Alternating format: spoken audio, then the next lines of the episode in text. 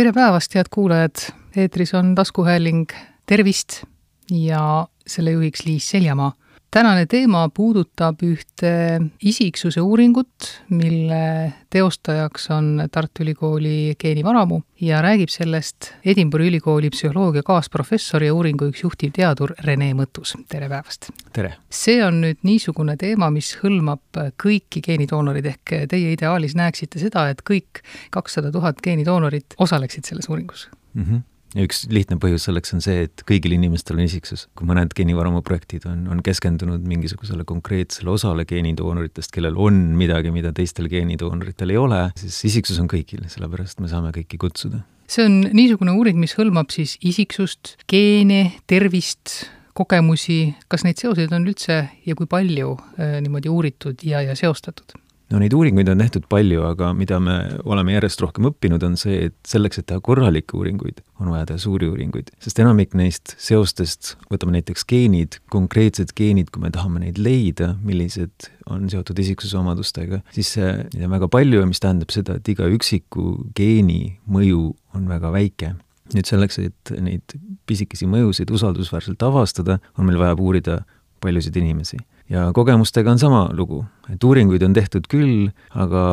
need tulemused ei ole nagu väga hästi välja tulnud, aga on õpitud seda, et jah, on vaja suuri uuringuid teha ja need suuri, uuringud järjest kasvavad suuremaks aja jooksul ja, ja on näha selge trend, et mida suuremaks nad kasvavad, seda rohkem hakkab nagu midagi välja tulema sealt. Maailmas on umbes, ütleme nii, pool tuhat aktiivset isiksuse uurijat, kes erinevate küsimustega tegeleb, kui nüüd võtta näiteks see kitsam teema, et millised geenid on seotud isiksuse omadustega, siis neid on muidugi vähem, aga, aga neid uuringuid on juba tehtud, et see uuring, mida meie nüüd käivitame, me oleme väga uhked selle üle, sellepärast et me arvame, et see on siiani tehtud uuringutest selles vallas kõige põhjalikum, kui nüüd vaadata, kui palju inimesi me kaasame ja kui põhjalikult me mõõdame isiksusomadusi ja, ja elukogemusi, siis see kombinatsioon on täiesti unikaalne ja me loodame, et sellest saab nagu selline mudel, mida teiste riikide teadlased ka järgima hakkavad, et meil on juba, juba sidemeid näiteks Norra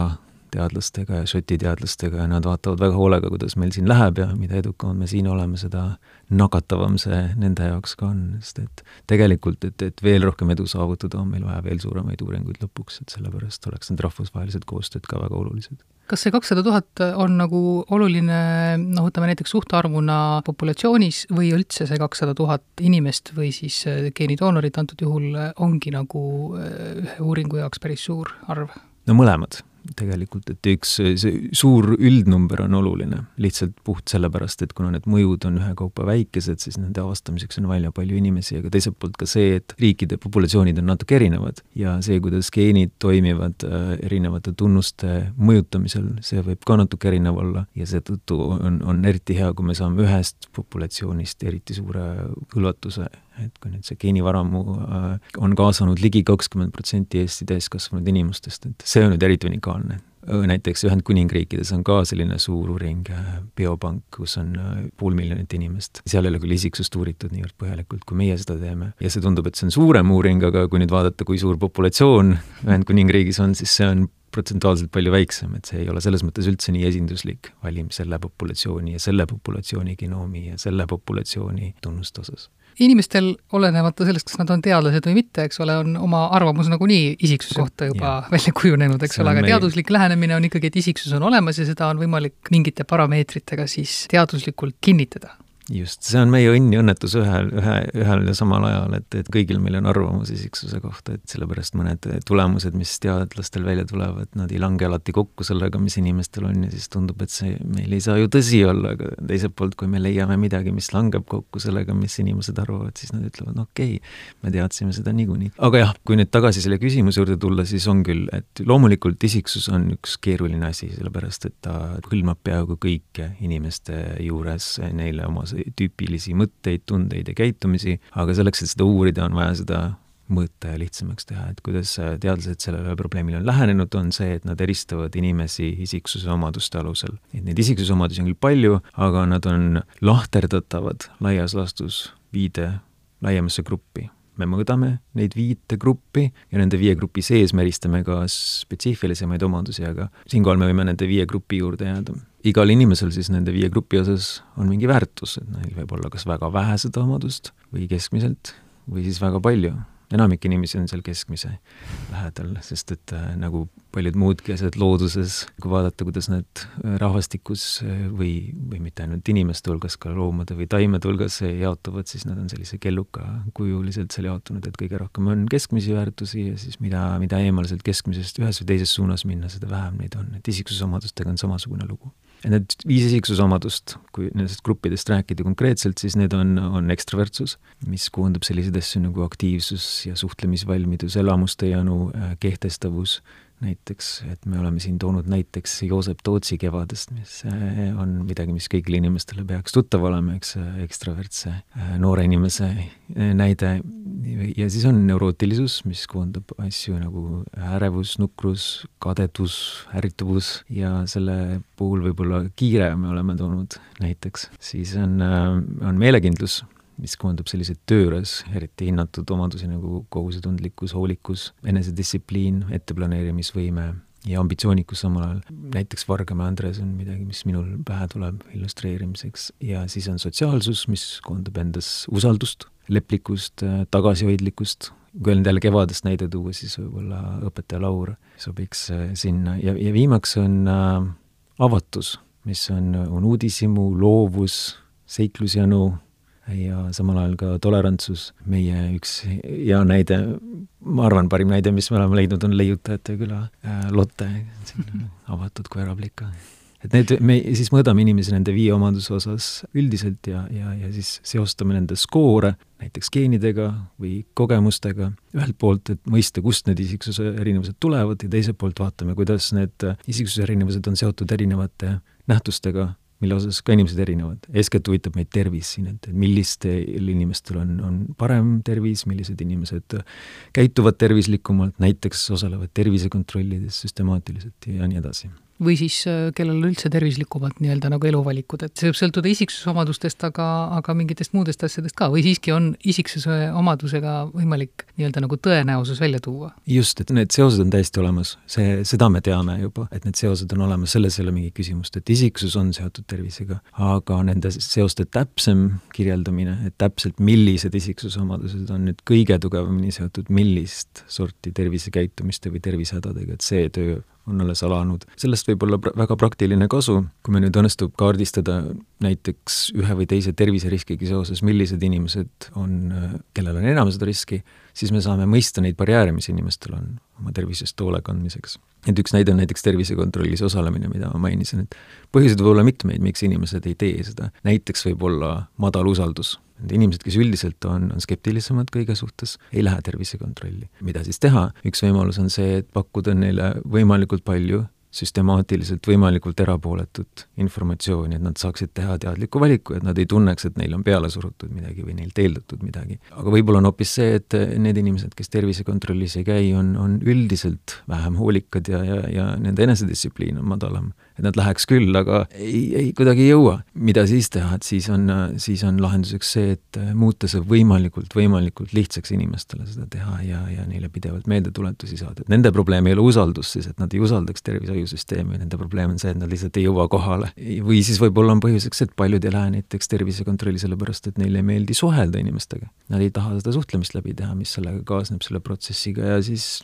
tuleb kui me tahame neid aidata ja rohkem suunata tervisekontrolli, teha see nii, nii mugavaks nende jaoks, kui see vähegi võimalik on. ja tulevikus me tahaksime jõuda ka nii kaugele, et saaks inimestele anda nende isiksuse põhjal põhinevaid tervisesoovitusi, tervisenõustajad, arstid saaksid anda, sest et äh, personaalseid? personaalseid, mis on seesama personaalmeditsiini idee, ühelt poolt geneetika, et inimestele ravimeid määrata sellisel moel, mis sobiks nende geneetilise potentsiaaliga, aga teiselt poolt geenid ei ole ju kogu lugu selles mõttes, miks inimesed on tervemad või, või vähem terved, nende enda käitumine mõjutab seda ka. üks konkreetne näide võib-olla näiteks selle ravimid, et mõnel ravimil on suuremad kõrvaltoimed ja mõnel on väiksemad kõrvaltoimed, et tugevamate kõrvaltoimetega ravimid on tihtipeale tõhusamad, eks, aga, aga mõnele inimesele ei sobi see ja nad ei, nad ei hoia sellest ravirežiimist kinni. või siis äh, üldiselt ravirežiimid võivad olla, nõuda rohkem või vähem pingutust, et kui nüüd arstid näiteks teaksid, millised inimesed on äh, suurema tõenäosusega peavad kinni ravirežiimidest, siis nad saaks aidata neil valida sobivamat sellist ravirežiimi, mis sobiks sellele inimesele, millest ta suurema tõenäosusega kinni peaks. et see ei ole üldse mõeldamatu, et inimesed teeksid ühe lühikese testi kunagi ja selle tulemusi saaksid arste aidata siis sobivamate valikute tegemisel, et see ei ole üldse, üldse utoopiline ega ebaratsionaalne. no minu jaoks võib-olla kõige huvitavam seos on ähm, inimese enda kogemus, mis sinna juurde tuleb, et kui te juba tõite näite skeptilisest inimesest, kes äh, võib-olla ei usalda nii palju tervisesüsteemi, et kui talle lisandub veel mingeid negatiivseid kogemusi, et siis see tema jaoks nagu võimendab veel seda tema käitumist, eks ole, aga kui on mõni usaldavam inimene, kellel võivad olla samasugused kogemused, teda see nii väga palju ei mõjuta, et äh, kui need asjad saab äh, ka kindlaks teha ja kui palju neid on üldse võimalik kindlaks teha? Jah, no me peaaegu kõik intuitiivselt arvame, et see, kuidas isiksusomadused ühes või üht või teistesse mõjutavad, see sõltub veel omakorda sellest, millised on selle inimese kogemused, et on väga suur tõenäosus, et tõsi, et seda nüüd ei ole väga palju uuritud, et aga see on ka üks asi, mida me saame teha selles uuringus, sellepärast et me küsime inimeste kogemuste kohta nagu spetsiifiliste kogemuste kohta, mis viimasel ajal on nendega juhtunud, aga ka üldisemalt, näiteks see, kas nad elavad maal või kas nad elavad linnas või mis sorti tööd nad teevad või mis sorti haridus neil on ja sellised üldisemad elukogemused, mis inimestel on, et, et need on kindlasti vägagi uurimist väärt. aga nad on uurimist väärt ka selle poolest, et mõista, kust need inimeste erinevused tulevad. Kui sellest nüüd rääkida, siis psühholoogidel ei ole mingit kahtlust enam, kuna seda on nii palju uuritud ja me teame tõsikindlalt, et seda, miks inimesed erinevad oma isiksuse poolest, nagu ka kõige muu poolest, seda mõjutavad osaliselt geenid, nii umbes nelikümmend protsenti ulatuses, miks me erineme, selle võib kirjutada geenide arvele, aga teiselt poolt elukogemused et seda me teame, selles ei ole mingit küsimust. aga kui nüüd küsida, millised geenid konkreetselt, et mis lõik seal DNA-s teeb inimest ekstravertsemaks või vähem ekstravertseks või mis tahes nendest isiksusomadustest, siis selle kohta me ei tea veel peaaegu mitte midagi. mida me teame, on see, et neid geene on väga palju, neid on kümneid tuhandeid ja igalühel nendest on väike mõju. ja sama lugu tundub olevat ka elukogemustega. et neid äh, elukogemusi, mis inimeste isiksust mõjutavad, et neid on väga palju ja selleks on vaja, nagu ma enne ütlesin, suuri uuringuid, et nüüd, et neid avastada. no tööd jagub igal juhul väga paljudele teadlastele veel. tööd jagub väga paljudele teadlastele ja see on õige. sellest konkreetsest uuringust rääkides, siis novembris alles algas, nii et te olete selles mõttes üsna alguses. tegelikult sel nädalal alles nagu läks see suurema hooga lahti küsitlus, millele inimesed peaksid vastama, on nüüd sellest nädalast siis äh, Geeniorama kodulehel kättesaadav. inimesed saavad seda teha kahel moel, esiteks nad saavad minna lehele geenidoonor.ee, kui nad tahavad veel täpsemalt minna, siis äh, kaldkriips isiksusomadused, aga sellelt geenidoonor.ee lehelt jõuab ka sinna või siis nad võivad ära oodata kutse, sest kõigile geenidoonoritele saadetakse nüüd veel selle aasta sees isiklik kutse uuringus osalemiseks. ja need kaks võimalust ja mida nüüd mis võib-olla inimestele veel huvi pakub, on see, et kohe, kui nad selles uuringus osalemise lõpetavad, siis nad saavad ka isiklikku tagasisidet enda isiksuse omaduste kohta, nende viie omaduse grupi kohta, millest ma enne rääkisin, me võrdleme nende inimeste vastuseid, et paljude teiste inimeste vastustega ja siis ütleme, kas need on pigem kõrge või pigem keskmine või pigem madal skoor nendel omadustel. et saab siis näha ja saata endale e-postiga lugemiseks ka, kui soovi on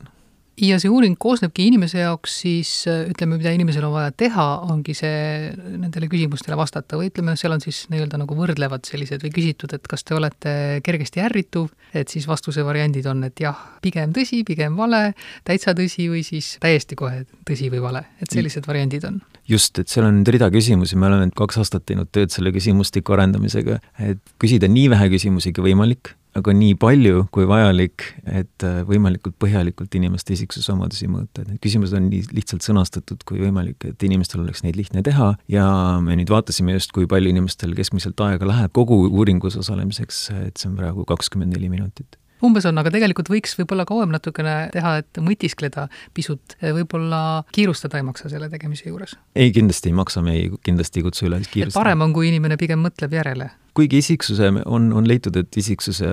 testides ei ole ka mõtet liiga kaua järele mõelda, et tihti see kõhutunne on, on küllaltki õige, et kui inimesed hakkavad mõtlema, et kuidas siis on, et vahel on ju nii ja vahel on naa, et siis see tingimata ei aita kaasa. et üldiselt enamikul inimestel on küllaltki hea ettekujutus sellest, millisel määral üks või teine käitumine on neile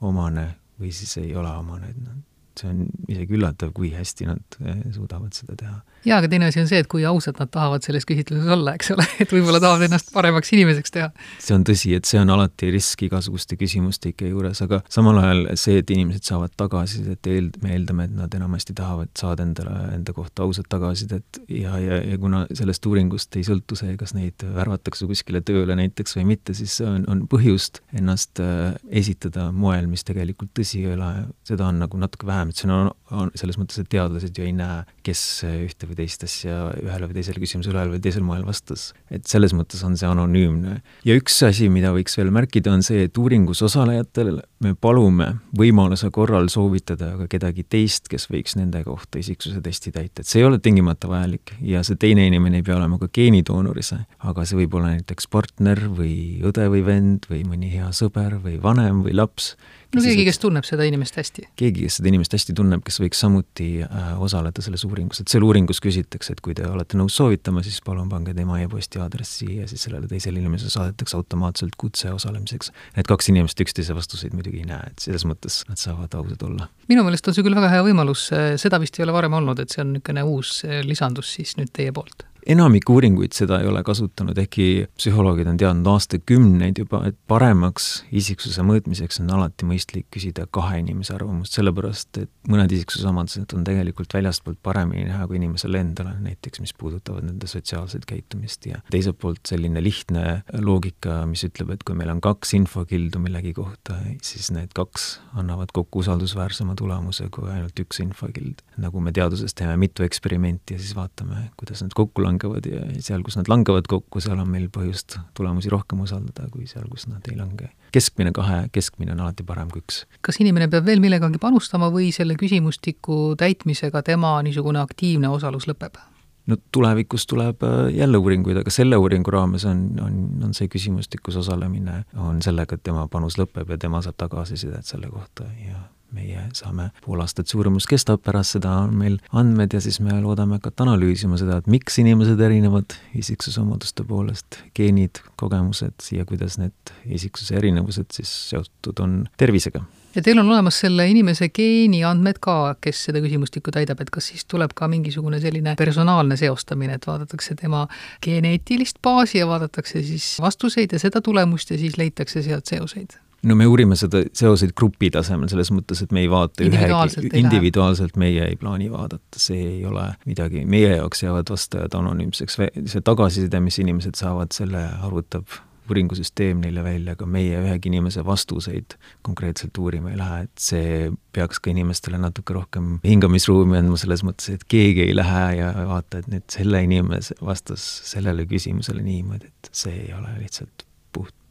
see ei ole isegi realistlik, kuna seal on nii palju küsimusi ja palju inimesi, siis selleks ei ole, ei ole ressurssi, aga see, see ei ole ka see, mis meid, mida me tahame teada, me tahame uurida seoseid, et miks, kuna isiksus olemuslikult on inimeste erinevused, siis me teeme seda grupi tasemel, kas need inimesed, kellel on üht või teist isiksusomadust keskmisest rohkem, kas need inimesed on erinevad ka nende või teiste geenide või kogemuste poolest, kas neil on ka näiteks ühe või teise haiguse risk väiksem või suurem. aga inimene, kes vastab, kas ta mingi aja pärast võib saada siis noh, nii-öelda nagu isiklikku kasu selles mõttes, et talle saab anda siis personaalsemat nõu näiteks mingisuguse meditsiinilise probleemi lahendamisel? no me loodame, see ei ole nüüd ühe või kahe aasta teema, et me loodame, et selle uuringu tulemused viivad selleni, et me saame personaalmeditsiinis hakata kasutama ka isiksusandmeid, aga no loomulikult siis me ei, ei lähe tagasi, ei võta selle uuringu andmed, sest see ei ole see, milles me kokku lepime oma osalejatega. et selleks, kui me nüüd leiame võimaluse seda rakendada reaalselt, siis me läheme tagasi ja küsime inimeste käest,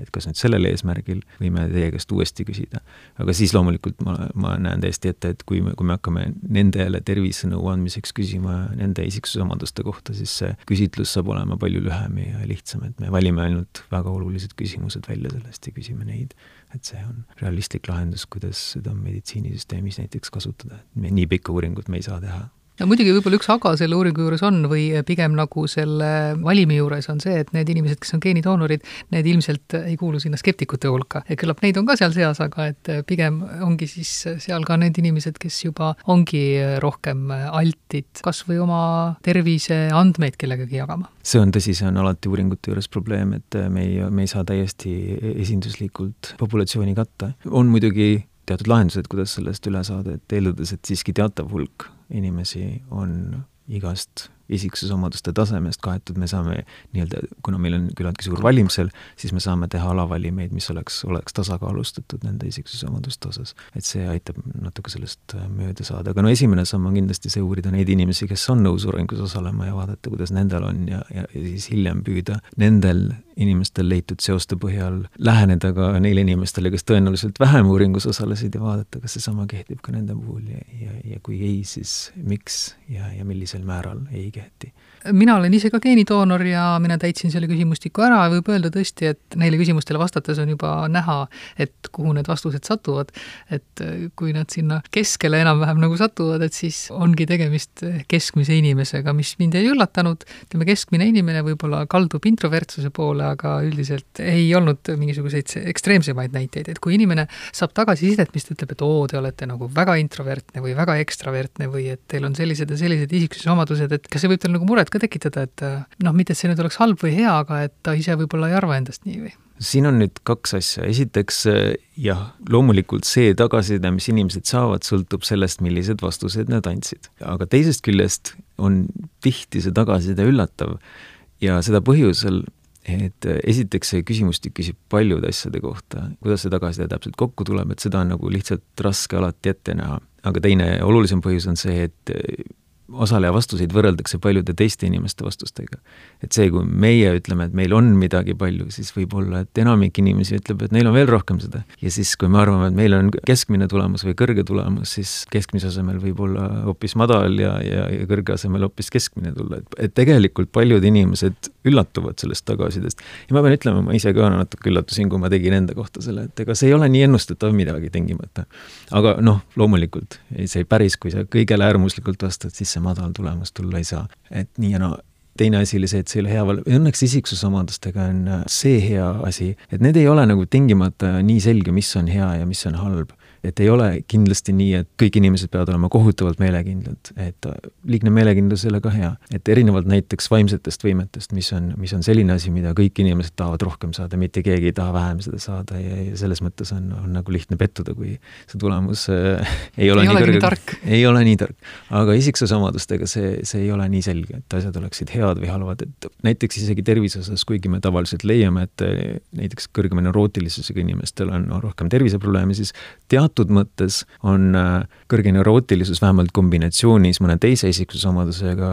isegi kasulik, sest et äh, neurootilisemad inimesed kalduvad rohkem äh, muretsema. Ja muretsemine, kui see käib koos sellise kohusetundlikkusega, siis see viib selleni, et inimesed tegelikult hoolitsevad ka oma tervise eest rohkem. et see ei ole sugugi tingimata halb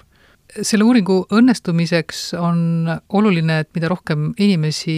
selles osaleb, seda parem on. kuidas inimesed sellest teada saavad, kuidas te juhite nende tähelepanu sellele toimuvale? jah, no me, siin on kaks asja, esiteks nad saavad kutse osaleda nüüd selle aasta jooksul ja seal on lahti seletatud ka põhimõtteliselt selle uuringu eesmärgid ja, ja mida inimesed tegema peaks. Ja teine asi on see, et me püüame meedias rääkida sellest nii palju kui võimalik inimestele, nii palju ja nii põhjalikult kui võimalik ja nii ausalt kui võimalik, et inimesed saaksid teha valiku ja oleksid kursis, sest pole midagi äh, halvemat saata inimestele kutse öelda, et osalege, aga mitte seletada, mis asi see on, mida nad tegema peavad või mis see kasu neil sellest on, sellepärast me tahame nii palju seletada kui võimalik. No aga kui tuleb kutse, inimene kohe ei saa täita, läheb meelest ära, saadate uue kutse? jah, me saadame kaks eh, meeldetuletust ka ja viimases meeldetuletuses me veel ütleme, et see on nüüd viimane meeldetuletus. no me julgustaksime siiski eh, inimesi tegema nii kiiresti kui võimalik eh, selle ära, aga jah, uuring on avatud pool aastat igaüks saab vaadata siis leheküljelt geenidoonor.ee, kas on veel kuskil infokanaleid? kui nüüd kas või Google'isse lüüa geenivaramu isiksusuuring, siis jõuab inimene kohe sinna, aga jah, informatsiooni on ka näiteks Psühholoogia Instituudi kodulehelt, informatsiooni on meedias ka juba siin-seal, näiteks Maalehest on võimalik lugeda. ja ka kuulda. ja ka kuulda ja samuti äh, päevalehtedest, suurematest on, on see ka läbi käinud, et selles mõttes, kui nüüd lihtsalt otsimootoritest otsida, siis leiab ka päris palju informatsiooni selle uuringu kohta juba. aga geenidoonoree on see koht, kuhu on mõtet minna ja kust saab siis kohe osalema ka edasi minna. ja seal on ka korduma kippuvad küsimused inimestele, kes tahavad ühele või teisele spetsiifilisemale küsimusele vastust saada